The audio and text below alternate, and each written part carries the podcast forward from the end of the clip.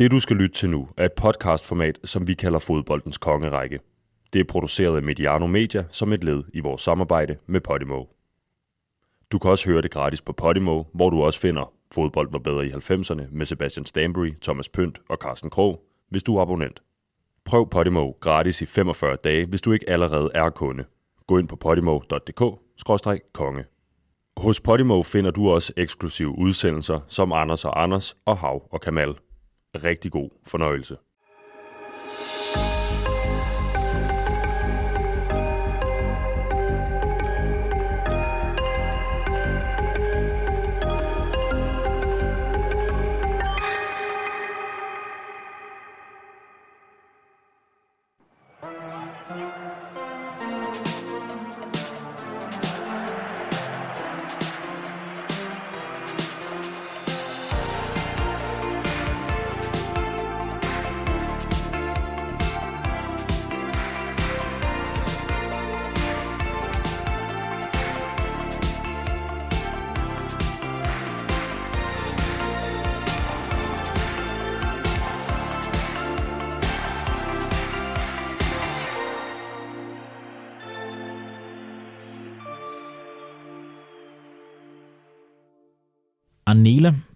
Skal skyde vores første VM-special her i Kongerækken i dag, og samtidig bliver det faktisk også vores første målmand.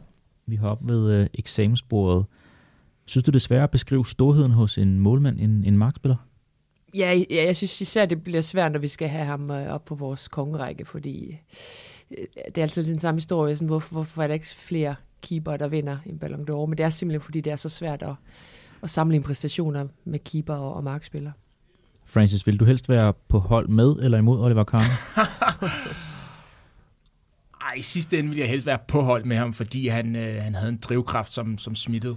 Øh, men jeg har jo været heldig at spille øh, noget landskabsfodbold med en, som var på hold med ham, som ikke altid synes, det var sjovt. Nej, der blev råbt lidt Ja. nede fra, øh, fra bagerste kæde af. Sebastian, vi kom forbi dyreriget i sidste uge, da vi talte om øh, Zinedine Zidane. Hvis Oliver Kahn han ikke skulle være en fodboldspiller, hvilket erhverv så du ham så gerne i? Øh, hvilket erhverv jeg gerne vil se ham i. Jeg tror, han vil være en effektiv skraldemand. Ja. Han er god til at rydde op, Ja. holde, holde tingene rene. Jeg vil sige dørmand. Dørmand? Ja, det bør man også rigtig godt bud. Br- Jeg troede, jeg troede, vi skulle gå videre med dyresnakken, Ja. ja. fordi han blev jo, han blev, han blev Ja. jo kaldt abe Ja. øh, på, øh, i, i Tyskland, øh, og gorilla, en gorilla og sådan noget, og de kaldte, kastede bananer efter ham, dengang han, han spillede og sådan noget. Så, så der havde det været et nemt svar, men dør, dørmand er et bedre svar end skraldemand, må jeg sige. Banankast med lidt andre undertoner, end det vi nu har oplevet rundt omkring, øh, hvor det måske var knap så racistisk, men mere på grund af hans kælenavn som gorillaen. Heller ikke særlig charmerende Nej. at, sammenligne ham med, med en abe og kaste bananer efter Jeg tror heller ikke, han var helt glad for Nej, det man skal generelt bare lade være med at kaste bananer efter fodboldspillere. Skal lad- lad skal ikke blive om enige om det? Ja. Og således i gang med et nyt afsnit her i uh, fodboldens kongerække på Podimo. Jeg hedder Kenneth Hansen, og til at hjælpe mig med snakken om tysklandsk, tysklandsk, Tysklands store keeper, Oliver Kahn, har i dag selskab af Anila Mominovic, Francis Dico og Sebastian Stanbury. Goddag alle tre. Goddag. Hej. En VM-special fik jeg også nævnt indledningsvis. Det gør så, at vi skal måske have en varedeklarering på, hvordan udsendelsen i dag bliver en lille smule anderledes end dem, vi har lavet hidtil. Men øh, 90% af vejen, så holder vi os til det, vi har gjort indtil nu. Men øh, det er jo fordi, at øh, der spilles fodbold i Katar i de her dage. VM-slutrunden er i gang, og derfor har vi valgt at øh, sætte lidt ekstra fokus på en række VM-turneringer i de kommende afsnit her i fodboldens kongerække. Og selvfølgelig har vi udvalgt en konge, som der også har opnået den pris og hedder at blive udvalgt til øh, turneringens bedste spiller i pågældende VM. Og for Oliver Kahns vedkommende var det jo slutrunden i 0-2 i Sydkorea og Japan, hvor tyskerne nåede finalen, men to mål fra den ægte Ronaldo gjorde, at øh, det ikke blev tysk sejr. Arnela, øhm, vi kan vel ikke komme udenom, at du er den, der er tættest på Oliver Kahn, og også har det næreste forhold i panelet her i dag. Øh, Jeg har aldrig mødt ham, men øh, nej, jeg kan godt forstå, hvad du, du er jo du erklæret, erklæret FC Bayern München-fan. Ja. Hvordan var dit forhold til ham? Var han en af årsagerne til, at du endte med at holde med den klub? Nej, det var det ikke. Det var hverken ham eller Stefan Effenberg. Det var, det var ikke sådan det, jeg, øh, jeg, jeg tændte på, hvis man kan sige det på den måde. Altså den der rå tyske mentalitet, hvor man skulle råbe af alt og alle. Øh, men, men på en eller anden mærkelig måde lærte jeg også at, at elske det og at acceptere det, fordi det, jeg fandt også ud af ret hurtigt, det, på det tidspunkt, da Oliver Kahn var i, i Bayern, især i starten af, hans karriere, også øh, i midten af den, jamen, men det var den måde, du skulle være på som leder i Bayern øh, den der vintermentalitet, var ikke sådan noget sådan tilbagetrukken måde, man kunne gøre det på, ligesom Philip Lahm har gjort det, Bastian Schweinsteiger sidenhen, øh, eller for den sags skyld Manuel Neuer, den dag i dag, hvis man skal sammenligne det med en anden en tysk keeper. Det kunne vi også godt tale om her. Det tænker jeg i hvert fald, vi skal have på et eller andet tidspunkt. Øh, men, men, men det var bare sådan, det var. Altså den der, du skulle vinde i Bayern München, og det her, altså øh, den bedste, du kunne putte på i målet hos, hos Bayern, det var Oliver Kahn, og, og jeg, jeg tror bare, man sådan lærte på, på en og samme måde acceptere og elske det, fordi det, det gav jo også nogle, nogle, nogle store sejre. Ja, og den bedste, du kunne smide på midtbanen, det var jo Stefan Effenberg. For det er sjovt, du lige nævner de to spillere, men det er jo også dem, som jeg har hørt allermest om. Altså ham spilleren, som, som jeg kender, der har spillet med, det er Samuel Kofur. Øh, og nævnte dem netop som de to ledere på holdet, øh, som man helst gerne skulle være på, på den gode side af, øh, for ellers fik du det at vide. Øh, altså ikke ondt ment, øh, ikke noget sådan undsigtet, men, men simpelthen for at, at, at sørge for, at alle op til den standard, der var i Bayern München. Øh, og nu var Kufur jo central forsvarsspiller, mm. spillede lige foran Karen. Øh, og jeg ved da også, der er klip derude, hvor han tager fat i kraven på ham. Øh, og det er jo simpelthen, fordi han ikke gjorde jobbet ordentligt. Så må man sige, om det er politisk korrekt den dag i dag. Det er det nok ikke. Men det sørgede jo for, at særligt når de havde øh, dårlige perioder, at de kunne komme tilbage, fordi de hele tiden holdt hinanden ansvarlige. Og der var han jo politimanden jo om nogen, øh, Oliver Kahn. Så øh, en, en, en unik evne til at, øh, til at skære alle over i en kamp, hvis ikke der var det, vi kalder excellence, hvis ikke der var storhed, øh, så sørgede han for, at folk øh, fik det at vide. Jeg tror måske, jeg har valgt, hvis jeg skulle svare på mit eget spørgsmål til dig, at spille imod ham, fordi at jeg skulle godt nok ikke stå i en sandwich med, øh, med Effenberg og Karen. Han, han... Jamen det kunne du sagtens ende med jo, altså det er bare fordi du ikke var medspiller. Nå, så modstander også, ja, det kunne man nok det... sagt. Han personificerer jo bare en München, både som den her vindermaskine, øh, som, som klubben er, men også som FC Hollywood. Som den her, der skal, altså der sørger for uro og store avisoverskrifter. Fordi han var, han, var, han var både ham, der sørgede for et niveau, han var ham, der tog fat i forsvarsspilleren, ligesom Schmeichel gjorde. Mm. Øh, og det var i hvert fald ikke hans egen skyld, at tingene gik galt. Det var ofte mål forsvarsspillerens skyld. Og han kritiserede gerne trænere og store stjerner, øh, holdkammerater og sådan noget i pressen og så videre. Ikke? Så der var aldrig, det var aldrig kedeligt med, med Oliver Kahn øh, på, på banen, og, eller uden for banen. Og det her med Schmeichel, altså han var den første, jeg kom til at tænke på, også da jeg tænkte på, på Oliver Carnos, altså den her måde at gøre det på, at det skulle være så øh, brusk på en eller anden måde. Altså sådan, når man ser keeperskolen nu her, der har godt nok også været en ændring på det, og man kan se ikke Allison, Ederson, Neuer, som du nævner, Iker Casillas for den sags skyld, gør det på samme måde. Altså, hvorfor tror jeg, udviklingen har været på den måde på, på netop keeperposten også, at det ikke skal være de her ekscentriske, højtråbende figurer nede bagfra. Det er jo ikke kun på keeper-position. Det er jo generelt det der med, hvad skal en, hvordan skal en anfører være?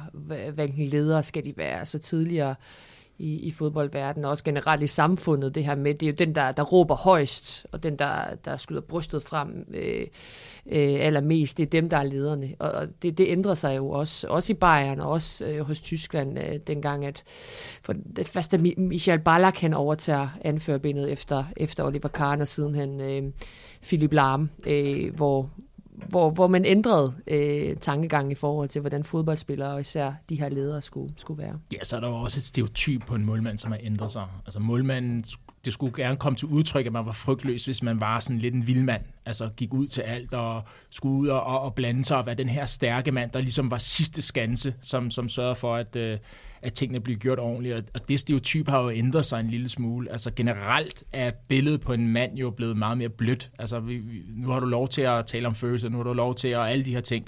Øh, det er ikke det, den her udsendelse skal handle om, men, men der er bare sket et opbrud med, den, med det stereotyp som en målmand øh, var dengang, og som han skal så agere den dag i dag. Nu skal han jo være et roligt punkt, som også skal kunne spille med fødderne og være af, øh, reflekterende og alle de her ting. Og det er jo ikke sådan, at Karen var en, var en, øh, en sweeperkeeper, men han, han, han, han var jo en målmand, hvis jeg lige må tage hans keeperstil, som var hurtigt væk fra sin linje, altså som var en aggressiv målmand, vil jeg kalde det. Ikke en sweeperkeeper, men en aggressiv målmand, var god til at gøre vinklerne små hurtigt, komme ud i feltet og blande sig.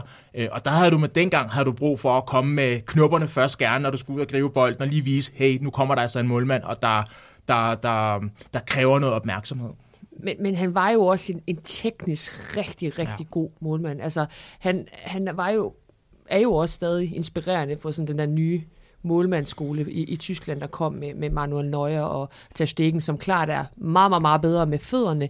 Men der, var, der er det der specielle, den der specielle teknik, øh, som I sikkert også har set, når jeg har set Manuel Neuer og, og Ter Stegen, hvor de lige når at hoppe mm inden de springer, og det kommer fra, fra Oliver Kahn. Altså det der med, at man får faktisk en større springkraft ved at tage det der lille hop, og så øh, komme ud i siden af redden bold, i stedet for at stå øh, stillestående. Ja, en lille forspænding. Øh, så, så, så der er nogle ting sådan rent teknisk, også hans, hans redninger helt op i, i hjørnerne, øh, hvilken hånd han lige valgte at, at bruge, øh, som, som var en kæmpe stor inspiration øh, i forhold til de, de allerstørste tyske målmænd, som så kom efterfølgende. Den her fysik, han havde, Arnela, også. Nu har vi set, vi talte om Leon Goretzka i sidste uge, hvordan hans transformation har været som Bayern-spiller. Ja, for uge, undskyld. Øhm, og Lewandowski også nogle af de billeder, der har været af ham i tiden i Bayern, hvordan han ligesom er blevet altså sådan en he nærmest skåret ud i granit. Jeg kan huske, da jeg var i militæret, der boede jeg på værelse med en fra Sønderjylland, og han var ikke, øh, der var meget af det der militæret, da vi var 18-19 år, der skulle man ned i, i vægtlokalet, når vi havde fri, og bare pumpe jern og sådan, det gad han ikke. Men, men han var landmand i fritiden, og han var den stærkeste mand, jeg nogensinde har oplevet. Han så ikke stærk ud, han havde ikke, når han spændte øh, armene, så var det ikke biceps, der var ved at springe, men han var verdens stærkeste mand. Sådan har jeg lidt med Oliver Kahn også. Han, han slog mig ikke som det her fysiske pragteksemplar, men jeg skulle godt nok ikke lægge arm med ham. Nej, og det, det var, fordi han havde den her øh, springkraft. Øh, han, han, øh, han, altså, han var bare virkelig godt trænet. Altså, man kunne se, at, at det var også en, en træningsnarkoman. Vi har tidligere snakket om, om Pavel Nedved. Det var, det var Oliver Kahn altså også.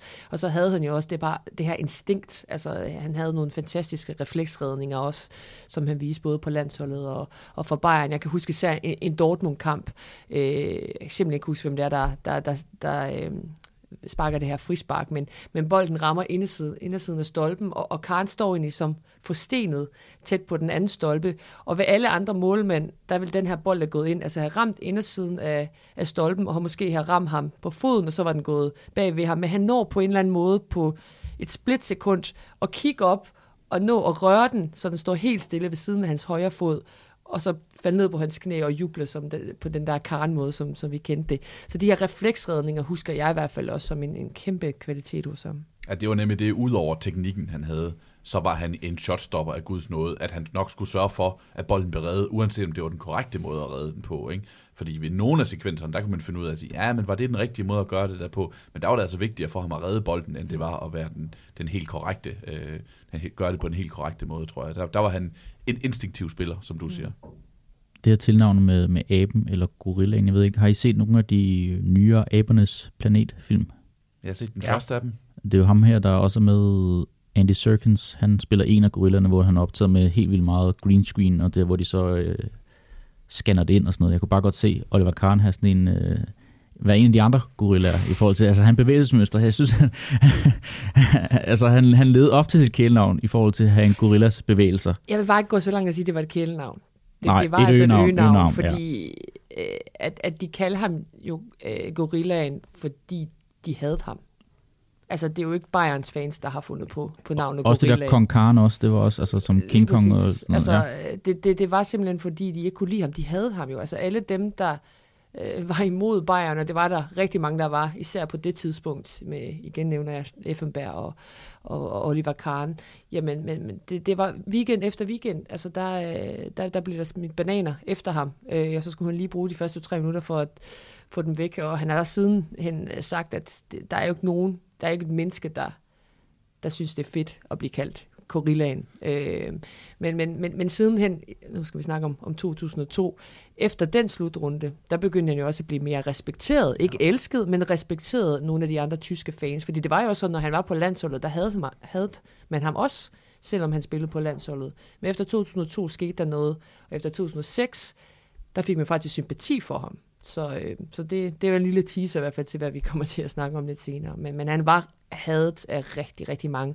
Og der er jo også den der episode med golfbolden. Ja. Altså en, en kamp mod Freiburg, hvor, hvor det ikke er bananer, de smider efter ham, men faktisk smider de en, en golfkugle øh, på siden af, altså på tændingen, hvor han, hvor han, hvor han bløder vildt mm. øh, og kaster sig. Øh, og går amok. Og går amok, fordi der, der, der trækker han også mm. grænsen. Altså, ja, ja, bananer og sådan noget, ja. det kan jeg godt tage. Det, det, det, det gør mig ikke noget. Men det her, det kunne have kostet mig karrieren. Ja, det og mig det, det vandt han faktisk også meget respekt for øh, at han gjorde det. Altså normalt kan man sige, okay, fodboldspil, de tærer sig og sådan noget, men det der, det var for meget. Og der så man jo også, at der var en person bag målmanden, der står derinde, som de ikke rigtig kan lide. Øh, så det, han, han, han reagerede, som han gjorde, jeg siger ikke, at det gjorde, at øh, folk klapper ham på skulderen, men der fik man trods alt noget respekt for, at der, der var en, der sagde hertil og ikke længere, fordi han er jo ikke på samme måde været opfarende i forhold til alt det med bananerne og sådan noget der, men det der, det var jo noget, der kunne koste karrieren. Jeg kan, jeg kan stadigvæk se billedet af Uli Hønes, der må stå med begge arme ja. rundt om, om Karen, med blodet, øh, blodet render ned fra Karens øh, tænding øh, fordi han har fået den der boldkoble i hovedet, og han må holde ham, øh, Hønes må holde ham tilbage. Og inde i respekten, men det er også sigende for Karen, at han ikke bliver bange i sådan en situation. Han bliver fucking rasende. Mm. Og spiller kampen færdig. Ja. Fordi kampen bliver faktisk ikke afbrudt. Det er også fuldstændig, øh, ja. fuldstændig vanvittigt, at den ikke gør det. De bliver, den bliver spillet færdig, og, og de vinder den her kamp. Øh, men, men Karen var også rasende efterfølgende. Men, men han spiller den færdig, det siger jo så også noget om, om den her vindermentalitet og agerighed. Vi har brugt ordet mystik og fascination som nogle, om nogle af de andre spillere i vores afsnit her, men så det er første gang, vi har fat i en, hvor han altså også er forhat, som du siger, men også bliver symbolet på tyskernes udvikling, altså gennem fodbolden som nation, også fra de øh, dage, hvor man havde spillere på eget landshold til mm multikulti i, øh, hvad er det, 10 eller 14, eller 2006. hvad det er? 2006. Det er der, det starter. På, på, det er jo på også hjemmebane også. Ja. Ja. ja. Og det er vel, det er i hvert fald det, man, man snakker om altså nu kan vi måske tage, allerede tage fat i den, det er den her kamp mellem Jens Lehmann og, og Oliver Kahn. Altså, han står i det her fantastiske 0-2 øh, VM. I, I 04 er Tyskland dårlig igen, øh, og, og, og han giver så anførbinder til, til Michael Ballack. Og så er der så kampen om førstepladsen i, i, i målet mellem Jens Lehmann og Oliver Kahn, som Kahn ikke anerkender i første omgang. Altså de her to år frem mod, frem mod VM, hvor der ikke skal spille kvalifikationskampe, fordi de er automatisk med som, som værtsnation. Øh, han, han bliver jo altid, kalder sig selv nummer et, nummer mm. eins, altså det, det hedder hans, hans selvbiografi også. Øh, har også nogle, nogle sådan er sådan noget merchandise, hvor, hvor, som, som hedder nummer 1, og han anerkender det ikke. Øh, han bliver så vraget, øh, og det er Jens Lehmann, der så står ved, ved det her VM. Øh, men han siger jo selv, at han aldrig har fået at vide, hvorfor sådan reelt, hvorfor mistede han den? Fordi han mente stadigvæk, at han var bedre. Og der tror man jo i hvert fald i, i tyske ekspertmediekredse, at det var simpelthen fordi det her med, nu skal der en anden generation på det her hold. Vi skal ikke være den gamle øh, det gamle Tyskland med, med Oliver Kahn og Effenberg og Jens Jeremis og alle de her, altså sådan de der, øh, den der gamle måde at, at spille tysk fodbold på. Det, det, det er det er Larm, det er Schweinsteiger, det er de her sympatiske spillere, vi skal have frem. Så kan man så undre sig om, om Jens Lehmann, om, om, om, om det var det. Ja.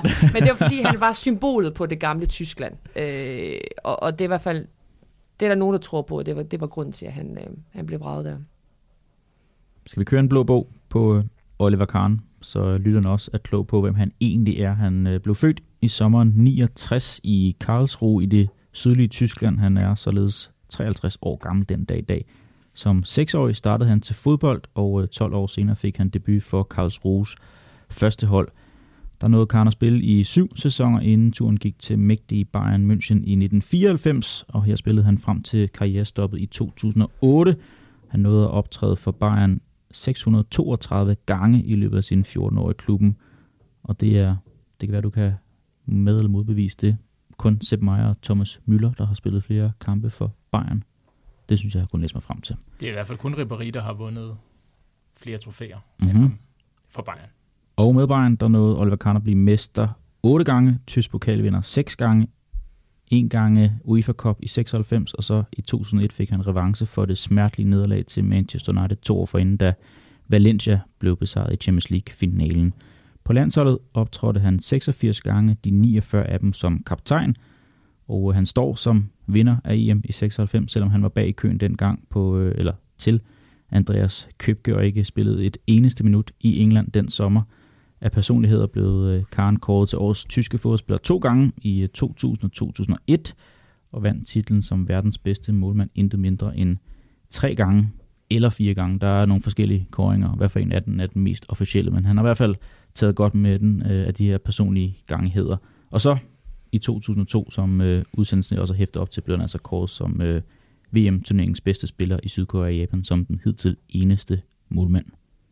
Og så også en, øh, en bror en far, der også var professionel fodboldspiller. En far, som var fra Letland, tror jeg det var. Ja. Øhm, Rødder der. rødder der. Mm. Så det synes jeg jo, det er, jo, det er jo sjovt, fordi en af dem, vi, som vi tænker som tyske ikoner, ikke er, han er tysk ikon, det er slet ikke det, men, men som også har en anden afstamning. Det, det, er ikke, det er ikke alle, der ved det, så det er måske lidt weak er. Nu tog jeg lidt af, af den med det samme.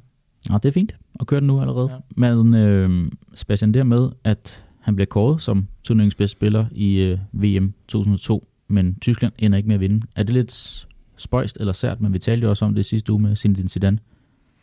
Øh, jeg vil sige det sådan, at Oliver Kahn indtil et vist punkt spillede et VM-slutrunde, der var værdigt til at blive kåret til turneringens bedste spiller.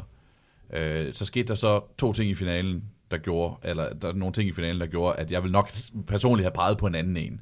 Og det var, øh, for det første, lavede Rune, øh, Oliver Kahn en fejl, mm. Mhm. der gjorde, at, at Tyskland endte med at tabe den finale, og så scorede Ronaldo to gange og scorede i alt otte mål ved den slutrunde. Så jeg havde nok peget på Ronaldo, både fordi Kahn dykkede en lille smule i finaldo, øh, finalen, og fordi at øh, Ronaldo omvendt øh, hævede sig i finalen. Og hans store comeback til fodboldscenen også, Ronaldo. Ja. Men han var fremragende, Oliver Kahn. Altså, indtil den finale har han jo lukket et mål ind i turneringen. Og på et profilsvagt tysk hold. Det hører jo også med til historien om det her, at øh, tyskerne i 80, 70'erne, 80'erne, 90'erne kunne fodre svin med super internationale superstjerner. Ikke? Og det kunne man bare ikke i 2002. Øhm, nu, I, I, I må sige, til, hvis I er uenige omkring bordet, men for mig var der kun to superstjerner på det hold, og det er Ballack, og det er Oliver Kahn. Mm. Og de levede så også op til det, og de førte deres hold hele vejen i finalen.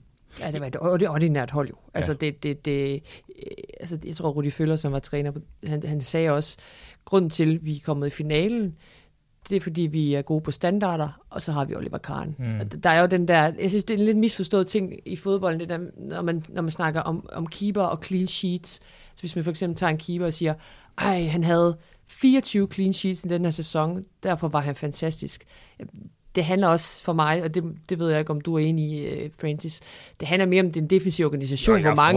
Præcis, så jeg tænkte nok, du vil være enig. Men det der med, at man bare giver målmanden den kredit, altså for mig handler det om defensiv organisation. Men lige præcis her i 2002, der var det på grund af Oliver Kahn, Ja. at de kun havde indkasseret et mål op til, op til finalen, fordi han, altså, jeg ved, jeg har ikke statistik på det, men de havde så mange afslutninger mod sig i de kampe op til, op til finalen, og han øh, leverede den ene klasseredning efter den anden. Ja, for det, det, ja. det er jo det, det er. Altså, for du kan jo godt, igen, der er jo, jeg synes jo også, der er forskel på redning. Jeg synes ikke, der er forskel på mål. Der er jo kun dem, der tæller, men jeg synes også, der er forskel på mål i virkeligheden, hvis jeg sådan skal dissekere dem. Så en 1-0-scoring i en Champions League-finale er anderledes end en 5-0-scoring i en Champions League-finale, i min bog. Øh, og de redninger, han laver, er jo ikke bare gode, men de er enormt vigtige. Uh, han har, står nogle helt forrygende kampe, så jeg er helt på linje med dig i forhold til at det her med clean sheets. Uh, grunden til, at de er der, det er, fordi han laver de her store redninger. Særligt kamp mod USA har han jo han to gange med over for Landon Donovan, hvor han, han netop får vist præcis, hvad det er, han kan. Vi snakker om reflekser, vi snakker om aggressivitet, vi snakker om uh, den styrke, også, altså at kunne, uh, kunne gøre sig stor og stærk, og så få løfte armene hurtigt nok. Uh, jeg vil gå så langt at sige, han er 90 minutter for at få en Ballon d'Or. Og det er altså den finale. Det er de fejl, som, som Sebastian er inde på over for Ronaldo. Øh, at han så får den, er lidt en... Det er ikke en gåde, men, men det, er jo ikke, det, er jo, det, er jo, det afspejler den VM-slutrunde, han har, fordi han spiller jo ikke en særlig god øh, sæson ud over det. Øh, så jeg vil faktisk gå så langt at sige, at han bliver kun nummer tre i den afstemning, fordi Carlos bliver nummer to. Men, men han er altså 90 minutter for at vinde det hele øh, i min optik. Og som mange eksperter mener, det ville have set ud, hvis han havde vundet. Så bliver han jo også, når vi snakker om Ballon d'Or, så synes jeg også, det er værd at nævne, at han også bliver nummer 3 i 2001. Mm. Så det er jo ikke bare sådan, gud, han havde lige øh, to og en halv gode uge i, øh, i, i, i, i Asien en sommer, lad os så give ham tredje plads i Ballon d'Or. Han var deroppe på det der niveau. Han var oppe blandt også de største markspillere i stjernestatus der i starten af nullerne. Fordi det var ikke bare en engangsting, at han lige pludselig blev nummer tre, fordi han, han stod godt til VM. Ja, ved slutningen af 90'erne og starten af 0'erne er han vel også den, den, den, den bedste keeper, ikke? I hvert fald i, i top 3. I mine øjne i hvert fald den, den, den bedste keeper. Han er der, den bedste. Ja, altså det- efter det- Schmeichel, ikke? ja. Det synes jeg. Og, og den, altså, han laver jo en fejl i 2002, og det er jo, at han giver den retur på, på Rivaldos skud, da der, står, øh, da der står 0-0. Og han siger jo selv den dag i dag, det er den største fejl i hele min karriere, fordi han vidste godt, at han havde spillet den perfekte VM-slutrunde. Han kunne have givet en, øh, vanvittig titel, altså VM-titel til, til Tyskland med det her hold. Øh, men han kunne, altså, han havde været den mand, der havde givet den til dem. Og det er ikke tit, at en keeper kan gøre det Nej. i slutrunder. Øh, det havde været, det havde været enestående. Men det er jo det, der er så sjovt, fordi det er jo det, der er vores sammenligning med Zinedine Zidane, som jeg mener er den største øh, træffer ind, fordi på, man, kan, man kan jo fejle på mange måder, og det her det er jo en del af fodboldspillet, at man, man, man laver en fejl. Zidane gjorde det på, øh, på en måde, som normalt ikke er en del af fodboldspillet, men de var stadig de to største på holdet, og kunne have givet deres nation en titel, hvis, øh, hvis de havde hvis de har haft anderledes held, vil jeg sige, eller anderledes øh, ild til hjernen i sit andet øh, tilfælde. Øh, og det er jo det, der er, det er, det, der er sjovt. Vi ser om spillere, som stod på, den, på det øverste plateau, og lige manglede det sidste for, for at, at vinde den pågældende turnering. Er det en VM-slutrunde, der har brændt sig ind på nethen hos jer? Altså, hvad husker jeg derfra, udover at det var nogle spøjse tidspunkter, man skulle se fodbold på? Ja, det var klokken 9 om, 9 om morgenen. Ja, den del kan jeg huske. Det var, det var ret fedt, synes jeg, at øh, vi, vi så det i skolen. Og det passede godt til, at man var skoledreng dengang, ikke? Ja. Øh, og så husker jeg det der med, at øh, mange af de store crashede ud. Mm. At, øh, men at det blev det her tyske hold, som ikke var profilstærkt, der, der røg ud, og så brasilianerne, der endte med at gå, gå hele vejen. Ikke? Men at, at Italien røg ud relativt tidligt, at Frankrig ikke engang kom videre som gruppen, som forsvarende verdensmester, ja. at Spanien heller ikke kunne leve op til det. At der var mange sådan øh, små nationer, der dansede en sommer, men, men mange af de store, de, øh, de kunne ikke. Ja. Jeg husker det jo fra den første kamp. Jeg mener, det, det er ikke den første kamp. Måske er det faktisk. Senegal, Frankrig. Det er åbningskamp. Åbningskamp, det var den første kamp. Ja, der husker jeg netop, at der er den her øh, sige, overraskelse. Øh, der blev scenen sat. Der blev scenen sat, mm. så det var den første kamp, ja. ja. ja. ja jeg husker altså, selvfølgelig Sydkorea, der, der kommer i semifinalen, men selvfølgelig også Tyrkiet. Ja, for jeg havde altså. det hold. Det Sydkorea der. Nej, hvor jeg havde det hold. De var så, de fik så meget dommerhjælp. De var så irriterende. Og den kamp mod Italien, du tænker på især? Ja, men også Spanierne, der, der fik ja. de også dommerhjælp og sådan noget. Jeg, jeg var så begejstret, da de, da de endelig blev kølet ud. Og gud, tak til Oliver Kahn og, og resten af de tyske hold. Og Michel Ballack. Ja, hvis de havde fået, altså, hvis de havde fået medaljer til det slutrunde der. Det var rædselsfuldt. Det var bedre med tyrkerne. Det var meget bedre med tyrkerne. Ja, det var da ja. også en... Var det ikke en, en sydkoreaner, der blev nummer tre i den afstemning til, til bedste spiller ved, ved VM? Det mener jeg, det var. Arne, eller hvad? Var det ham? Var det ham den store? Ja, jeg tror, han blev nummer tre. Ja. Vildt. Men den kan man også godt bruge. Han fik jo en fyreseddel i Perugia, fordi han øh, sendte Italien ud af, af VM rundt der, så det kunne være, at han kunne bruge lidt øh, en tredjeplads til et eller andet. Det her med Karens målmandsstil, og øh, vi talte om aggressiviteten, altså han var jo, han var jo frygtindgydende intimiderende. Hvad gav det til, at han spillede, han var det? Altså jeg turde da ikke afslutte på ham. Nå, ja, det gav der noget. Altså det var... Øh Øh, vi snakkede også om det, da vi talte om, om Zidane i, i seneste afsnit, det der med afran, det der af, at, at frygten og respekten er så stor, at det faktisk bliver en fordel for, for den spiller, der er tale om. Det tror jeg da også, øh, at, øh, at Karen havde som, som en fordel. At der, der, man tænker der lige om, hvis du har en friløber mod ham, hvad sker der her? Redder han mig? Øh, ødelægger han mit knæ? Hvad, hvad kommer der til at ske? Ikke? normalt så gjorde han bare det første, men, men det er der ikke nogen, der spiller jeg hellere vil have en friløber mod end Oliver Kahn. Var det ikke noget med, der var nogle historier i Karlsruhe med, at hans medspiller ikke turde afslutte på ham til de her skudtræninger rundt omkring, fordi at øh, han simpelthen blev, altså de vidste, at det han blev tosset. kunne koste en god stemning, men, hvis øh, de endte med at passere ham. Men sådan var det jo med, med, med mange af de her mål. Peter Schmeichel, der var flere, der var, dengang var det jo øh, nogle udskiftninger, der skulle varme øh, målmændene op, og jeg ved da, at der var flere spillere på landsholdet, der ikke ville varme ham op, øh, fordi hvis bolden ikke lige lå i handsken på de indlæg og sådan noget, så han kunne blive ordentligt varm, jamen, så fik man jo et, øh, et, et, et super møgfald. Øh, så jeg kunne da godt forestille mig, jeg har ikke hørt den historie omkring øh, Oliver Kahn, men, men, men, men den type målmand, som, som er så så nidkær omkring detaljen, øh, så, så, så skulle det ikke være en af de markspillere, der bankede bolden ind om ørerne på en. Altså, det, det hjælper da ikke nogen. Men det irriterer mig, jeg, jeg sad og prøvede at finde frem til historien, men det må være noget, jeg har hørt ja. et sted, altså en podcast, i en film eller noget lignende, men det var noget med, at de stod med det her dilemma med, at skulle de banke den ind bag ved ham, og han blev skidesur over det, eller skulle de sparke den i søen, og så blev han skidesur over, at der så ikke var nok bolde til at holde ham varm på en eller anden måde. Så det var sådan lidt et dilemma, hvad for en af tingene vælger, fordi der er ikke rigtig nogen øh, korrekt løsning mod Oliver Kahn. Altså, han var jo en speciel type, altså, øh, og også sådan, altså, du skulle jo også vinde respekten jo. Øh, der er jo det her citat fra Bastian Schweinsteiger, da han kommer op fra, fra ungdomsholdet op på, på Bayerns første hold øh, i 2002, og så siger han, øh, jeg kom op på første holdet Bayern München, min plads i omklædningsrummet var ved siden af Oliver Kahn. Den første gang, han snakkede til mig, var i 2005.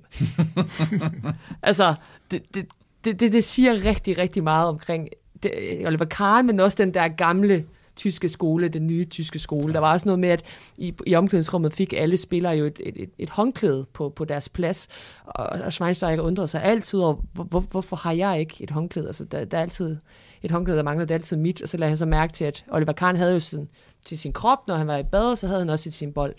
Så fandt han så hurtigt ud af, at den skulle han nok ikke blande sig i. Han, han, han måtte lige gå nogle ekstra skridt så for, at, for at hente det der ekstra håndklæde. Så, så der var det der med, du skulle også, du skulle også øh, sætte respekt, altså, før, du kunne, før du kunne snakke med, med der Oliver.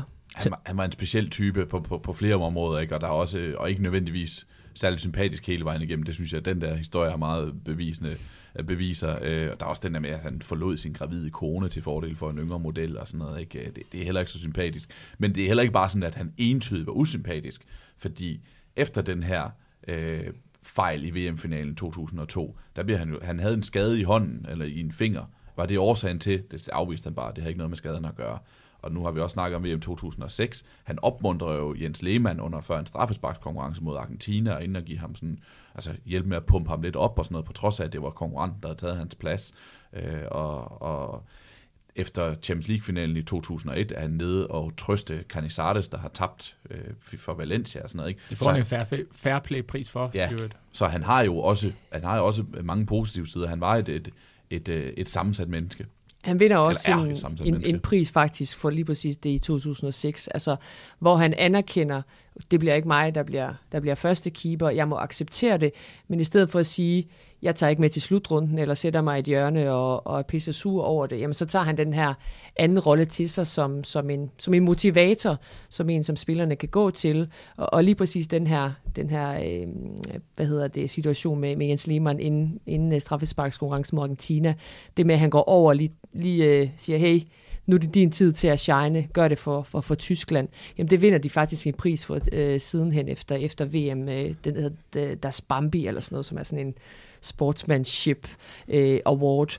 Øh, og jeg synes også, at han opfører sig eksemplarisk i det, i det, på det pressemøde, hvor det kommer frem, at det er Jens Lehmann, der skal stå for Tyskland lige inden, øh, lige inden slutrunden, hvor øh, synes, man skal gå ind og, og se det på YouTube, hvor det bare sådan, det der, det er bare en sportsmand. Altså det der, det er, det er en vinder, men det er også en, der anerkender, okay, der er en, der, der, der er bedre end mig, og det er ikke mig, det handler om. Det kan godt være, at jeg har et stort ego, men det er holdet, det handler om. Og der udviklede han sig jo også på mange måder øh, i, øh, i løbet af, af sin karriere. Det, det er faktisk noget, han har taget med ind øh, i hans nye erhverv i, i Bayern München, at Sadio Mane øh, får prisen som bedste afrikanske spiller. Der er det også ham, der kommer ind med en stor kage og præsenterer den øh, for, for Mane, mens de sidder i deres videorum de kunne godt have fået en eller anden kok til at komme med den der kage, men det er altså ham, der står med den der sådan en flødeskumskage, og det, det, er sådan, det er ikke det billede, vi har af ham. Øh, jeg tænker på ham som den her hårde hund, øh, på en eller anden måde, den her autoritære målmand, øh, og så står han altså der og skal give, dele flødekage ud og give klap og sige, at du har gjort det virkelig godt. Og sådan, ikke? Altså, så han,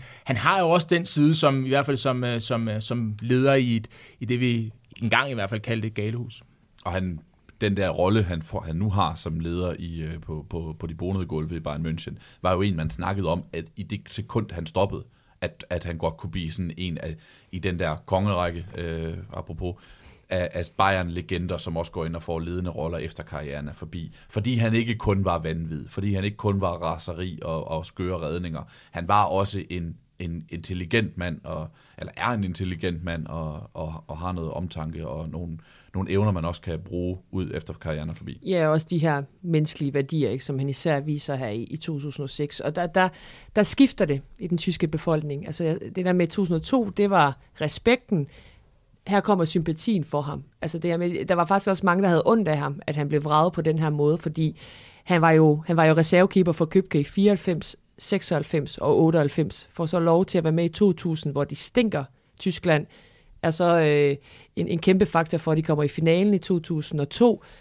2004 stinker Tyskland igen, og så får han så lov, håber han selv, okay, Tyskland, VM på hjemmebane, det her, jeg kan afslutte min landsholdskarriere, og så bliver han vraget.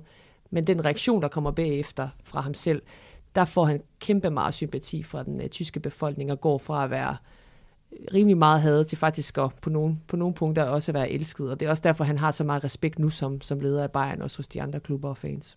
Og de her to stilarter, Anina, i, øh, i Bayern München med, med Karen, Effenberg, Matthäus måske også øh, som en ting, og så det lidt nyere øh, lidt mere moderne Bayern. Jeg tænker, der er rigtig mange i fodbold i Europa, der har en mening og en holdning til FC Bayern og FC Hollywood og sådan noget her, men, men taler man om, at der er noget, der er mere rigtigt end det andet, eller ligesom to ærer, man havde i, i klubben? Det var bare sådan, at fodbold var dengang. Altså, der, der var ikke nogen, der kunne forestille sig sådan en som, som Bastian Schweinsteiger måske kunne, kunne være en leder i, i, i 98, 99, eller det de vinder 2001. Sådan var verden bare ikke, altså hverken fodboldverden eller, eller samfundet. Så det er to forskellige ærer, ligesom det var i 70'erne, da de vandt de her tre Europacups. Øh, så det er jo ikke, fordi det betyder mindre, øh, fordi det var, det var anderledes. Nej, men, og fællesnævnerne er jo netop, at de, de vinder. Altså det, det, det der er højsædet, så kan du gøre det på, på forskellige måder. Det er også det, der det er sjovt i alle mulige debatter. Nu laver vi kongerækken. Hvad er kriteriet? Vi taler om vinder, øh, og er der en rigtig måde at vinde på, øh, frem for den anden? Det, det, det ved jeg sådan set ikke. Hvad du får det gjort? Skal vi drive lidt videre i programmet og tale om Oliver Kahns højde- og lavpunkter i karrieren? Hvem vil lægge for med et højdepunkt? Det kan jeg godt gøre. Champions League-finalen 2001. Mm. Bayern München vinder øh, øh, turneringen for første gang siden 70'erne, og det er med Oliver Kahn i en decideret nøglerolle. Øh, piller tre straffespark i straffesparkskonkurrencen i finalen mod, mod Valencia. Øh, der var, jeg var på YouTube og finde sådan en, hans 10 bedste redninger inde på Bayern Münchens YouTube-kanal, og nummer 1 og 2 er fra den her finale, hvilket ikke det er et sandhedsvidne, men det indikerer dog lidt om, hvad den, hvad den kamp har af status for hans tid i, i Bayern München. Og så oven i købet, så er der den her detalje med, at han får en fairplay-pris for at trøste Canizares efter kampen. Så den rummede øh, Karns store, store klasse som målmand, men også de menneskelige kvaliteter, han har. Ja, og bliver man of the match øh, på baggrund af de redninger. Så det, det er også klart den for mig. Øh, og særligt fordi vi, vi husker 99-finalen, øh, hvor det var det med et andet udfald. Og jeg, når jeg siger det her, så er det jo også i forhold til, at jeg som sagt havde den her holdkammerat, Sami Kofur, som jo har det her ikoniske billede, hvor han banker ned i, i græsset, øh, efter at have tabt i 99, og så var en del af det hold, der, der vandt øh, med, med en man of the match øh, præstation af, af Oliver Kahn. Så, øh, så det, det, det fordi jeg har fået fortalt historierne fra omklædningsrummet, så at sige, men også fordi, at øh, du kan bare sidde og kigge på den der kamp og sige, hvis ikke de har haft ham, så har de heller ikke vundet den kamp. Man kan også sammenfatte til fire, fem, eller fem magiske dage i maj. Altså hvis du går fem dage tilbage, så er der jo den her legendariske spilrunde i Bundesligaen, mm. hvor, øh, hvor Bayern møder HSV ude, og Schalke spiller hjemme, og det er Schalke og, og Bayern, der kæmper om mesterskabet. Bayern skal have uafgjort. Schalke skal vinde. Øh, og, og det er HSV, der fører i øh, fire minutters overtid, så jeg Barbares, der har, der scoret til 1-0, og Schalkes fører så i den, øh, i den anden kamp. Og, øh, og der får de så det her frispark, indirekte frispark i fire minutters overtid. Og der har Oliver Kahn jo også en rolle, øh, hvor han, hvor han øh, lige inden de får frisparket, der tager han jo fat i Stefan Effenberg, der, da der kommer det her med fire minutters overtid, siger han, husk nu finalen i 99, hvor hurtigt det kan gå i fodbold. Vi har stadig tid. Tro nu på det. Gå nu over og snak med dem. Altså, han får simpelthen pumpet noget, noget tro ind i, uh, i Effenberg, og som så sender det videre til, til, til de andre. Og så får de det her frispark, indirekte frispark, hvor han så også blander sig. Jeg ved ikke, om det er, fordi han selv gerne vil sparke, eller vil stå i muren, eller jeg ved det ikke, men det kan godt passe, at han selv gerne vil sparke. Han bliver så skuffet, skubbet væk af skuffet. Stefan Effenberg, og sikkert også skuffet, men så går der lige nu et par sekunder, og så, så, så bliver han jo også glad, fordi det så bliver Patrick Andersen, der får lov til at sparke, fordi han havde et, et hestespark af, af dimensioner. De scorer 1-1, øh, tragedie i Schalke, øh, eufori i, i Bayern, og så fem dage efter, jamen så er der så den her finale mod øh, Valencia, hvor han tager de her tre spark på straffesparket. Så den her anden redning, synes jeg er, er, er vanvittig, hvis man skal hvis Er det den på Sauvic? Øh, jeg kan ikke huske, om det er den på Sauvic, men det er den, hvor han går ud til den ene side, men lige får lappen op, altså den her refleksredning ja. på Nummer to er Carboni. Ja, Carboni. Ja, ja okay. Mm. Nej, okay. Øh, hvor, han, hvor han bare er afgørende igen. Øh, så jeg vil sådan, måske sammenfatte det med de her, med de her fem dage, alt det, det som Karen kan. Ja. Men også bare lige for at lave dramatikken øh, endnu mere. Altså, vi er enige om, at i Schalke, der er kampen jo fløjtet af. Den er fløjtet ja, og de, de jubler. De, de jubler, de sidder og venter på, at Men så tænder den lige op på store skærm ja, og kan se, at de spiller vildt. så stadigvæk i... Uh, altså, det, det, det, er jo det er en vanvittig Ja. Det er så hårdt et øjeblik. Ja. Jeg tænker ikke, Patrick øjeblik. Andersen nogensinde skulle købe en øl i det sydtyske øh, sidenhen. Han, øh... Men det siger også meget om, om Bayern, men også om Oliver Kahn den her Bayern-dussel, man snakker om. Altså Bayern er altid så heldige, og de scorer altid i overtiden. Det var også noget, man snakkede om med Alex Ferguson øh, og Fergie-time, men det er jo ikke held. Altså, det er jo, det er jo, det er jo bestemte spillere, man har i, i, øh, i truppen, med den der mentalitet, man har, altså den der vindermentalitet, hvor man altid tror på det til, til det sidste, den sidste minut. Og Oliver Kahn var bare en, en stor del af det på, på det her tidspunkt i Bayerns historie. Og så havde han åbenbart et eller andet med Valencia, fordi i øh, Karlsruhe-tiden stod de også Valencia ud af en europæisk turnering, til de tabte 3 i den første kamp. Så vinder de 7-0 hjemme, som åbenbart er sådan et, et større mirakel i uh, tysk fodboldhistorie, at uh, Karlsruhe, som faktisk også var et, et Ja, ret, det var et- ret det var et, øh, stort ret- hold. ja, Husker ja. også kampen mod Brøndby nogle år senere. Det var, det, det var, et tophold. Ja, det var om ved foretegn, ja. hvor de løb ind i noget af en uh, snitter, uden Men- Karen på holdet. Men han vidste altid, at han skulle spille for Bayern, altså Mm. selvom han var født i, i Karlsruhe og, og spillede der selv, og, og ja, havde nogle, nogle store øjeblikke i, øh, i UEFA-koppen, jamen, så da han var lille, der, der stod han jo med Bayern München-flag, altså når Bayern München kom på, på besøg, så, så det var ligesom skrevet i stjernerne, at han skulle spille i, i Bayern. Den her strafsparkskonkurrence i Champions League finalen mod Valencia, den er blevet sådan meget definerende for mit ungdomsliv og, og fodboldliv generelt. Altså, jeg kan huske, jeg gik i 8. klasse. Min ven Søren boede et par hus fremme, og vi så altid fodbold sammen. Vi cyklede på vej i skole. Vi havde en, en længere vej, et par kilometer der. Øhm, og vi hang meget ud sammen med 9. klasserne. De havde dimensionsfest. Det var dengang Champions League-finalen ikke blev spillet lørdag, men onsdag aften. De havde dimensionsfest op på skolen, og så skulle de hjem til Michael og have godt med våde varer efterfølgende. Så vi øh, tog forskel på, eller forskud på glæderne, Søren og jeg, hjemme hos mig, tror jeg det var. Og han var simpelthen så stiv til sidst, Søren. Så han, han tror, Oliver Kahn til den dag, så stadig piller den med håret. Altså det er strafspark med, med, med Carboni. Altså det, det er sådan en joke, hver gang vi ses. Det bliver øh, ikke så hyppigt længere, men øh, hver gang vi ses, så, så bliver vi nødt til at snakke om den gang i 2001, hvor Oliver Kahn han pillede det strafspark med håret. Det var godt Valencia-hold i øvrigt også. Helt vildt Så godt. Geisker Mandieta var jo en... Der scorer på straffe ja. Ja. i kampens åbningsfase Jo, der. ja. Ja. For Kufurs skyld, synes jeg, det var dejligt, at Bayern vandt det finale, men jeg synes også, det var synd for Valencia. Jeg Ja. har altid tænkt, Ja. at jeg, jeg var faktisk glad for, netop på grund af det, hvor han lå og Ja. græd der, at det var, ah, han havde fortjent at vinde, men det var også synd, at for Mendieta, at de aldrig fik lov at fik den her Champions League til. De skulle have haft en finale året efter så, hvor de så havde vundet. Ja. ja, de, to. eller året før, hvor de slog Real Madrid. Ja, ja. Ikke fordi Real Madrid står mangler Champions League titler, vil Nej. jeg sige. Det er jo godt at klæde fodboldhistorien, at Valencia har fået mm. Et trofæ der i omkring årtusindskiftet. Har vi andre ting med Oliver Kahn? Højdepunkter? Ja, eller lavpunkter, det kan vi også godt gå hen til. Ja, men altså, lavpunkter... Vi har snakket om den her fejl, som han selv har øh, highlightet som sin største fejl i hele karrieren i 2002. Øh, og det der med at blive vraget som, som keeper, altså det, det, det må være også være en, et, et lavpunkt øh, Ja, så i den, sidste tab, den tabte finale selvfølgelig mod Manchester United. Øh, altså, det er, jo ikke, det er jo ikke ham, men, men at være så tæt på. Øh, og så med, med Solskjaer og Teddy Sheringham. Og det, han bliver vraget, det er vel i og for sig første gang i karrieren, at han gør det, og så lige til VM på hjemmebane. hvor, hvor han egentlig regner med, at det her det er hans sidste turnering, og, og det, det er nu, han skal shine på, på det her på det her landshold. Øh, han får så bronzekampen og, og, og bliver hyldet. Øh, den giver Klinsmann ham øh, alligevel, men, men det må stadig stå... Altså, han må stadig have lidt ondt i maven over, at han ikke får lov til at, til at stå den her slutrunde. Øh, og så er der, altså, der er også den der Englandskamp, altså i, i 2001, hvor de taber 5-1 på, på hjemmebane ved en kval- kvalkamp i München, på hjemmebane endda, øh, hvor han bliver latterliggjort i engelske medier, og, og der bliver sat spørgsmålstegn omkring ham. Er det ikke Michael Owen, medier. der gør det? Ja, han skulle have Ja. Han Hat-trick, skulle have hat ja. ja. ja. Jeg spiller en af hans dårligste kampe nogensinde, øh, og, og så mod England, og, og få den røv fuld. Altså, det er sådan en, der, der er stadigvæk hæfter lidt på Oliver Kahn, også fordi han ikke spiller den bedste kamp. Øh, så den har jeg også lidt nævnt som, som høj, eller lavpunkt, men alligevel så løfter han sig igen, og så de kvalificerer sig til VM, og så står han jo så den her slutrunde i 2002. Så er det også meget typisk tysk, at England var helt op at køre over den der, men de ryger ud i kvartfinalen, og tyskerne går så hele vejen til finalen til selve slutrunden, ikke, som var det, det handlede om. Øhm, jeg synes jo, at Champions League-finalen i 99 har han beskrevet som sådan et, et dybt sår.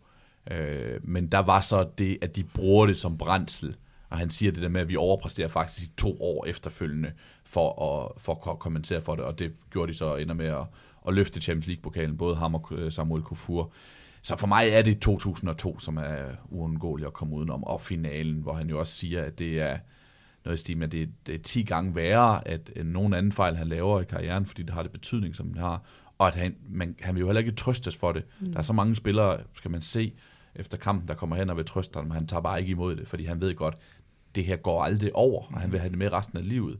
Og det var jo også noget, der blev brugt som skyt imod ham efter den her, hvor de, han ikke var sådan den mest vældige mand. Øh, jeg synes, der var en sjov anekdote, hvor de spiller en kamp, Bayern München spiller en kamp i, Ny, i Nürnberg, og så er der et lille banner, hvor der står, øh, kun viceverdensmester, Oliver Kahn er skyldig, siger han. Og det, det er hårdt mod den mand, som faktisk var også skyldig i, at de rent faktisk kom i finalen. Ja. Ikke? Og Claus Augenthaler, som jo var Bayern-legende, men som er Nürnberg-træner på det her tidspunkt, han bliver spurgt efter kampen. Øh, hvad, hvad, sagde du, hvad siger du til det der banner? Og så siger han, jeg så ikke noget banner. Til gengæld så jeg VM-finalen. Hmm, så, lige. så det var, det var ikke sjovt at være Oliver Kahn øh, efter den finale. Men det viser også, hvilken sort-hvid verden målmænd de skal leve i, og man skal have den her vindermentalitet og den mentale styrke, som, som Oliver Kahn også havde. Altså, du skal spille en forrygende VM-slutrunde, og det eneste folk så snakker om, det er så den ene fejl i, i finalen. Der er ikke nogen, der snakker om, at de nok havde rådet ud til Paraguay i, i, i, i i øh, knockout-fasen, eller i hvert fald til USA i, i kvartfinalerne, øh, hvis det ikke havde været for Oliver Kahn. Men, men alle snakker om, om den her ene fejl, som gjorde, at, at Tyskland ikke blev verdensmester. Hvor har jeg ham henne i forhold til de målmænd, I har set sådan regelmæssigt i et internt målmandshierarki der? Lige inden vi gik på, der fik jeg jo sagt, jeg, jeg brød mig ikke særlig meget om. Mm. Jeg sagde det på en anden måde. Øh, men øh, ej, altså som målmand, altså det han, det han kunne, mm. der, der, er han jo, der er han jo en af de, de, de bedste, der har været, fordi han, du også må, må tage mentaliteten med i det, han kunne som, som, som shotstopper. Men, men det var ikke en, en stil, som jeg brød mig særlig meget om. Øh, det er ikke en målmand, som jeg sidder og tænker, uh, hvor jeg er glad for, at jeg får lov at tale om Oliver Kahn, og minde, har nogle minder om, øh, at jeg synes, han var helt vildt fantastisk. Øh, så, så er der nogle andre målmænd, som også var skøre, eksempelvis Peter Smeichel, godt hvad jeg har de her danske briller på, som jeg langt hellere kunne, ville, ville kunne affinde mig med, fordi at, øh, han har givet mig nogle andre indtryk, men det er fordi, jeg måske har set ham tættere, end jeg så Oliver Kahn. Hvis du kigger på nogle af de her titler, der er, der er en, en keeper-titel, der er blevet givet øh, af et internationalt forbund siden 87. Der har Kahn vundet prisen tre gange. Det hedder Walter Senker og ham der har på Paraguay, Chilavert, også vundet tre gange. Og så er der tre navne, der har vundet den fem gange hver. Buffon, Neuer og Casillas. Altså, mm. hvis man medregner Peter Schmeichel, så synes jeg da, at det er den top 5 fra min tid, jeg husker med Schmeichel, Karen, og så de her tre Buffon, Neuer, Casillas. Ja. Jeg synes, jeg, ja, han er deroppe i hvert fald. Ja. Øh, og jeg kan da huske dengang, at at jeg, ligesom øh, Francis, så havde de røde-hvide briller på. Jeg synes, Peter Schmeichel var den bedste keeper i verden. Øh, og så var der mange, der, sådan, der sagde, ja, Oliver Kahn han er også ret god, og det irriterede mig, for jeg ville have, Michael indiskutabelt skulle være den bedste. Men han var jo ret god, altså øh, Oliver Kahn. Ja. Så der, der var jo noget om det. At det var ikke sådan, at jeg siger, at han var bedre end Michael, men man kunne godt diskutere, hvem af de to, der var, der var bedst der. I hvert fald der sådan i, i midten af 90'erne og frem efter. Ikke? Jeg kan i hvert fald godt huske, der var ikke mange, der var, der var på min side, når jeg snakkede om Oliver Kahn og Bayern München. Øh, jeg, især den her finale 2001. Jeg kan huske, jeg gik i 8. klasse og, og, og var kæmpe Bayern-faner. og, og, dagen efter, da, da Bayern vinder, jeg er super glad, jamen, så bliver jeg drillet med de der pølsetyskere. Og, og, altså, det, der med, det, det var bare den der, det var det, man tænkte om Tyskland, og især om Bayern München, især på grund af øh, Effenberg og, og Oliver Kahn-typerne. Altså, det, det var ikke likable typer, mm. men hvis du, hvis du holdt med dem, jamen, så, var det jo, så, så var du jo glad for dem, fordi det var dem, der, der kunne afgøre det til, til, til, til din fordel. Lad os gå lidt videre og tale om øh, lidt viden om Oliver Kahn, vi måske ikke øh, har fået helt op til overfladen endnu. Vi har taget hul på et par af tingene. Jeg faldt over det her med, at han har arbejdet i, i nogle år, inden han så kom tilbage til Bayern München som, som tysk tv-pundit. Noget du at opleve ham der, Anila? Ja. Hvordan var han der? Han, han slår mig som en mand, der er ret klar i spyttet. Ja, meget, meget respekteret. Mm. Øh, ikke, ikke sådan svinsk eller noget sin øh, usaglig. Øh, jeg synes, han, han, han, han charnede faktisk fra, fra, fra, første, fra første dag. Øh, og, øh, og det var også, altså jeg synes også, man så en forvandling i ham de sidste år, altså både i Bayern, men, men også i, i Tyskland, det der med, han, han blev også mere velovervejet, han blev også mindre bombastisk, altså den her udefarenhed, som, som han havde meget i, i sin karriere, som vi har snakket om. Øh, analytisk, øh, god at høre på, så, øh, så han var ret, ret respekteret som det. Ja, nu har vi talt lidt om, øh, om det her med, at han blev kaldt affe, eller gorilla jo en mand, af nogen, der har nogle af de bedste kælenavne nogensinde i, i fodboldens historie, synes jeg. Altså, det bedste, det er Titan. Det er bare klasse, og det er så rammende for ham, ikke? Øh, King Khan snakker vi om, øh, Volcano, øh, og så tror jeg, jeg tror, det var det faktisk, da vi lavede Gert Müller, så jeg ved ikke, om det er en tysk ting, men jeg bladrer lige i den her Eduardo Galeanos, øh, den uruguayanske forfatters øh, bog, Fodbold i sol og skygge, hvor der også er et kort passage om Oliver Kahn, som jeg synes var meget fin, hvor han skriver, så stor var den terror, han indgød, at hans modstandere troede, han var søn af den anden Karen, Jenkins. Men det var han ikke. ja, det er godt skrevet. Ja. Virkelig godt skrevet. Har vi andet øh, omkring? Du, du var inde på Francis, hans rødder i Letland. Ja, det vidste jeg jo ikke. Nej. Øh, jeg tænkte, at han var ærketysker, øh, så det var faktisk øh, interessant. Og så selvfølgelig også at se, at han kommer fra en sportsfamilie. Forstået på den måde, at han, der var også andre, der, der spillede bold. Altså bare lige tråd med den her VM-slutrunde i 2002. Øh, han var jo fremragende, øh, og det, det foregik jo i, i, i Sydkorea. Og der blev han jo kæmpe stor i Asien. Altså han blev jo en, en, en type, som man tog fat i, i og, og brugte i reklamer, og der var sådan en underholdningsshow, hvor han skulle finde det næste store målmandstalent øh, i, i Asien, øh, som man sikkert tjente rigtig, rigtig gode penge på, men det her med, at han faktisk blev en verdensstjerne i Asien, selvom de slog Sydkorea ud i, i semifinalen, jamen så, så blev han altså også den her kæmpe store stjerne. Det, det synes jeg også var, var, var ret sjovt. Det, det, det, kan, det kunne jeg ikke huske øh, fra, fra den slutrunde, før jeg begyndte at research lidt, øh, lidt på det her. Større end Michael Learns to Rock? Trods alt ikke. Trods alt ikke. Trods alt ikke. Hvad siger vi til tidsmaskinen? Nu taler vi jo om, at øh, målmandsskolen har ændret sig lidt siden ja. Peter Michael, Oliver Kahn og sådan noget der. Jeg synes, at man skal... Du nævnte Rako Legic øh, en gang, øh, Frank, i vores første afsnit. Altså, skal vi ned, og du har snakket om Kjellerup på et tidspunkt, øh, Sebastian. Skal vi ned i de danske serierækker for at finde en eller anden eccentrisk keeper dernede, eller hvad? Men jeg synes ikke rigtigt, at han er på topscenen. Jeg synes jo, der er... Den, den eneste sådan ekscentriske keeper, jeg kan komme på i dag, er næsten Thibaut Courtois.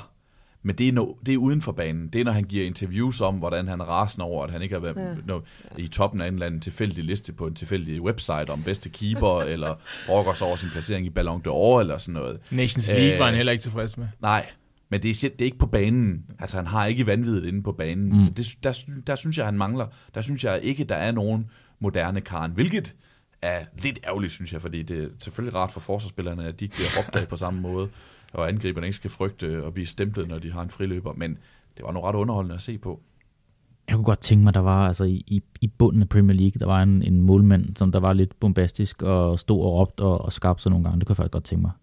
Men, ja, øh, ja, det er rigtigt, men ja, du skal virkelig være lavet noget specielt, for det der er også meget, der kan være forstyrrende. Ja. Altså også for dine holdkammerater. Øh, hvis der er en, der hele tiden... Øh, der, altså man skal huske på, det der også er med Karner, det der er med spillere, der gør det der, det, det er jo også med til at holde dem selv i gang. Og det, det, det man ikke må misforstå i den her, den her oversættelse. Altså, det er jo ikke bare for at gøre...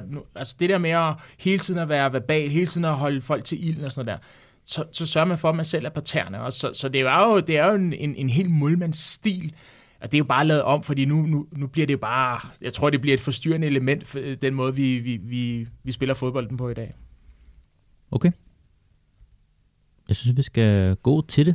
Det, det egentlig handler om, det her, det er jo vores øh, første VM-udgave, men det er afsnit nummer 14 i fodboldens kongerække. Så vi har altså en øh, liste nu her med øh, 13 andre navne på, og vi skal have fundet plads til Oliver Kahn i det fornemme selskab.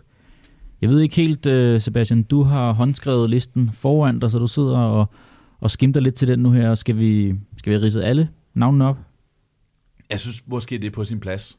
Ja. Fordi jeg synes, det er, jeg har vanskeligt ved at vide, hvor jeg lige skal placere ham hen. Så, så vi lader os lige få listen. Vi, holder, vi håber, I holder tungen lige i munden, og lytterne gør det samme, fordi nu kommer der lige 13 navne øh, flux ud. Gert Müller, nummer 1. Zinedine Zidane, nummer 2. Paolo Maldini, nummer 3. Thierry, nummer 4. Michael Laudrup, nummer 5. Ronaldinho, nummer 6. Roberto Carlos, nummer 7. Kaká er 8. Pavel Nedved, nummer 9. Fernando Hierro, nummer 10. Dennis Bergkamp, nummer 11. Paul Scholes på en 12. plads og Henke Larsen på en 13. plads. en Henke. altså, altså, det er en målmand. Det kunne han lige, det kunne han lige klare. Altså, for, det, det, jeg startede med at sige det. Jeg, ikke en målmand, jeg brød mig særlig meget om. Han var rigtig, rigtig dygtig. Vi har lige nævnt de, de fem, som I i hvert fald var enige om. Og jeg synes jo, hvis vi taler om Buffon, eller vi taler om uh, Neuer, som er 2022 måske, hvis vi taler om uh, Peter Schmeichel, så vil jeg jo nok øh, kæmpe for, at de kom øh, tættere på, på midten i hvert fald. Karen er ikke en af, af de målmænd for mig. Iker Casillas er også en målmand, jeg vil kæmpe for at komme ind i en central. Men det, det, det igen, det er en personlig præference, fordi ham har jeg set, og jeg har jo gået, altså hvis jeg havde et blank canvas, så er jeg også et blank canvas, da jeg gik derfra. Vi har fået meget røg for at have Paul Scholes så langt ned på listen. Han er, han er på en 12. plads ud af 13 mulige navne nu her. Det er der mange, der er oprørt over. Ja, vi har, vi, Det var jeg jo også. Vi vendte ja. jo også lige hurtigt, om, om vi på et eller andet tidspunkt skal lave en, øh, en, øh, en episode, hvor vi sådan, skulle vi revidere nogen af, af, af pladserne, fordi jeg synes, jeg, jeg begynder, at høre, op på førstepladsen? Mm. begynder at høre mere og mere brok omkring de der placeringer der.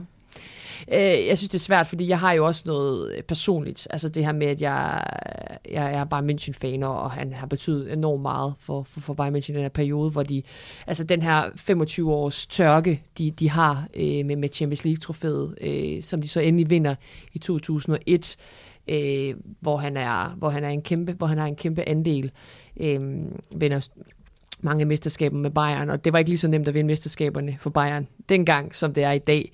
Øh, så det betyder også, øh, også rigtig meget, og sin liga, der var undervurderet på det tidspunkt, vil jeg, vil jeg så også sige.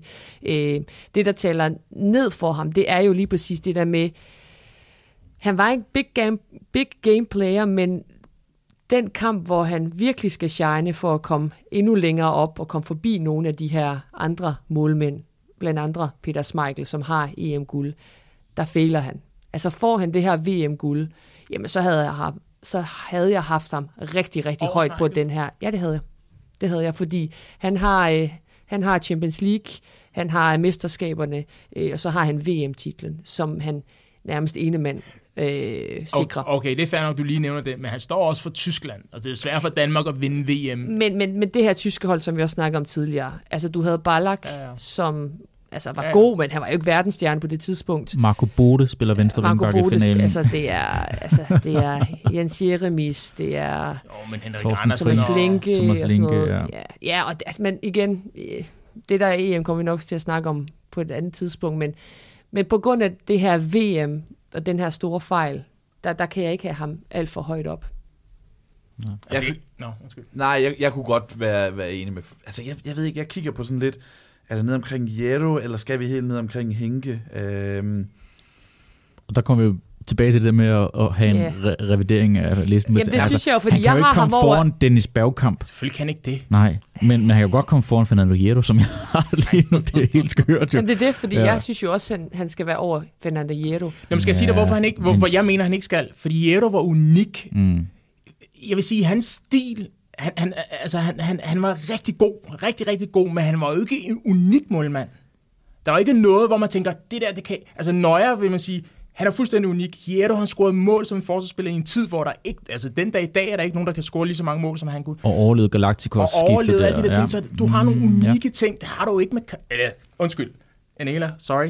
Nej. Det synes jeg ikke, at vi har med Karen. En rigtig god til sit håndværk, en vinder, alle de der ting. Men det var jo ikke en, hvor jeg tænkte sådan, han gør et eller andet, som jeg, som jeg tænker wow over. Nej, det er, ikke sådan, det er heller ikke sådan, at der er nogen af de der to landshold, det handler også om, hvem der, eller nogle af de der to hold, han ligesom definerede, Bayern og Tyskland, der tænker, bare vi dog havde Oliver Kahn i dag.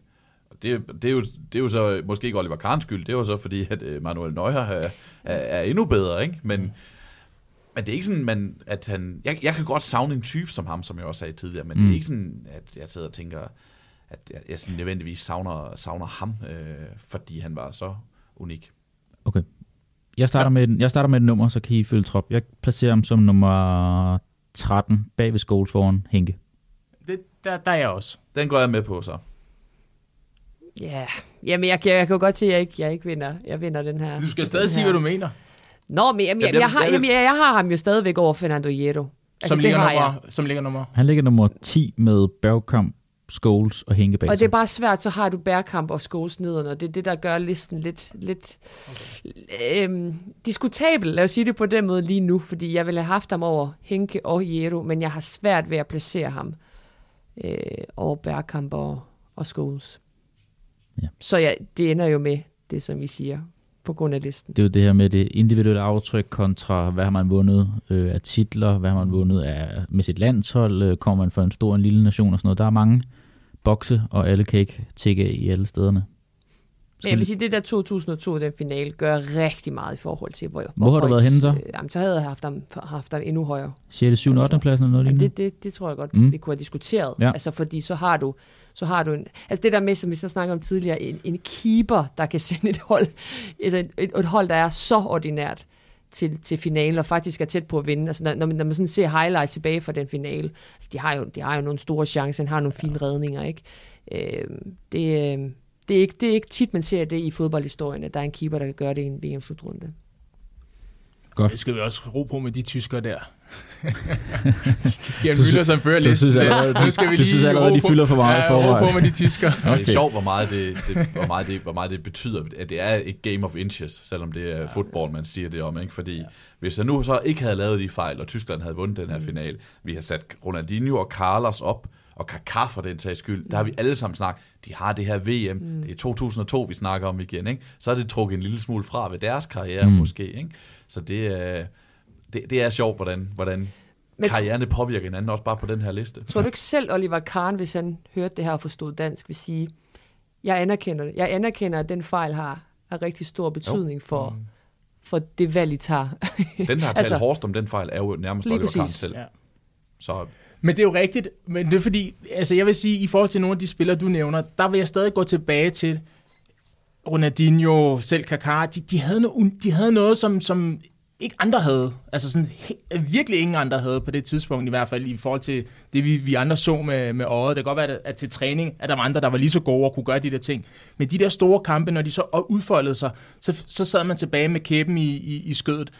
Det mener jeg stadigvæk ikke, jeg har gjort, selvom at han lavede nogle vilde redninger på, på Donovan, og hvad han ellers har vundet i Bayern og sådan noget. Der, der, der sidder jeg bare og tænker på, at der var en vildmand, der var god i målet, og så ikke så meget mere. Lad os øh, lægge os fast på, at øh, i afsnit 14, der bliver Oliver Kahn altså nummer 13 på listen, og så har vi Henke på en 14. plads. Scholes bliver på 12. pladsen. Det er the fine margins. En fejl mindre i VM-finalen, så kunne han have været længere op. Skal vi ikke sige øh, tak for i dag? lad os gøre det. Men inden da, også lige øh, sige, at øh, næste uge, der sætter vi os i flyveren og flyver fra 2002 og fra øh, Japan og Sydkorea til Sydafrika og slutrunden i 2010, så kan I så selv måske prøve at gætte med på, hvem at øh, udsendelsen handler om. Og det bliver altså i næste uge, næste torsdag, at vi er tilbage med mere snak i fodboldens kongerække. Tak fordi I lyttede med, og på glædeligt genhør.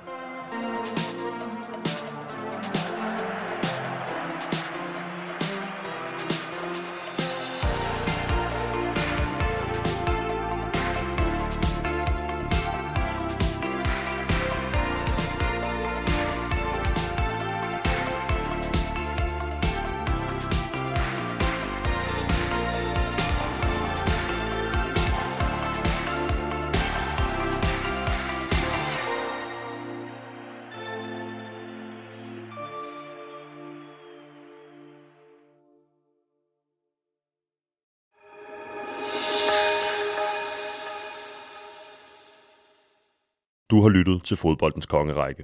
Det er produceret af Mediano Media som et led i vores samarbejde med Podimo.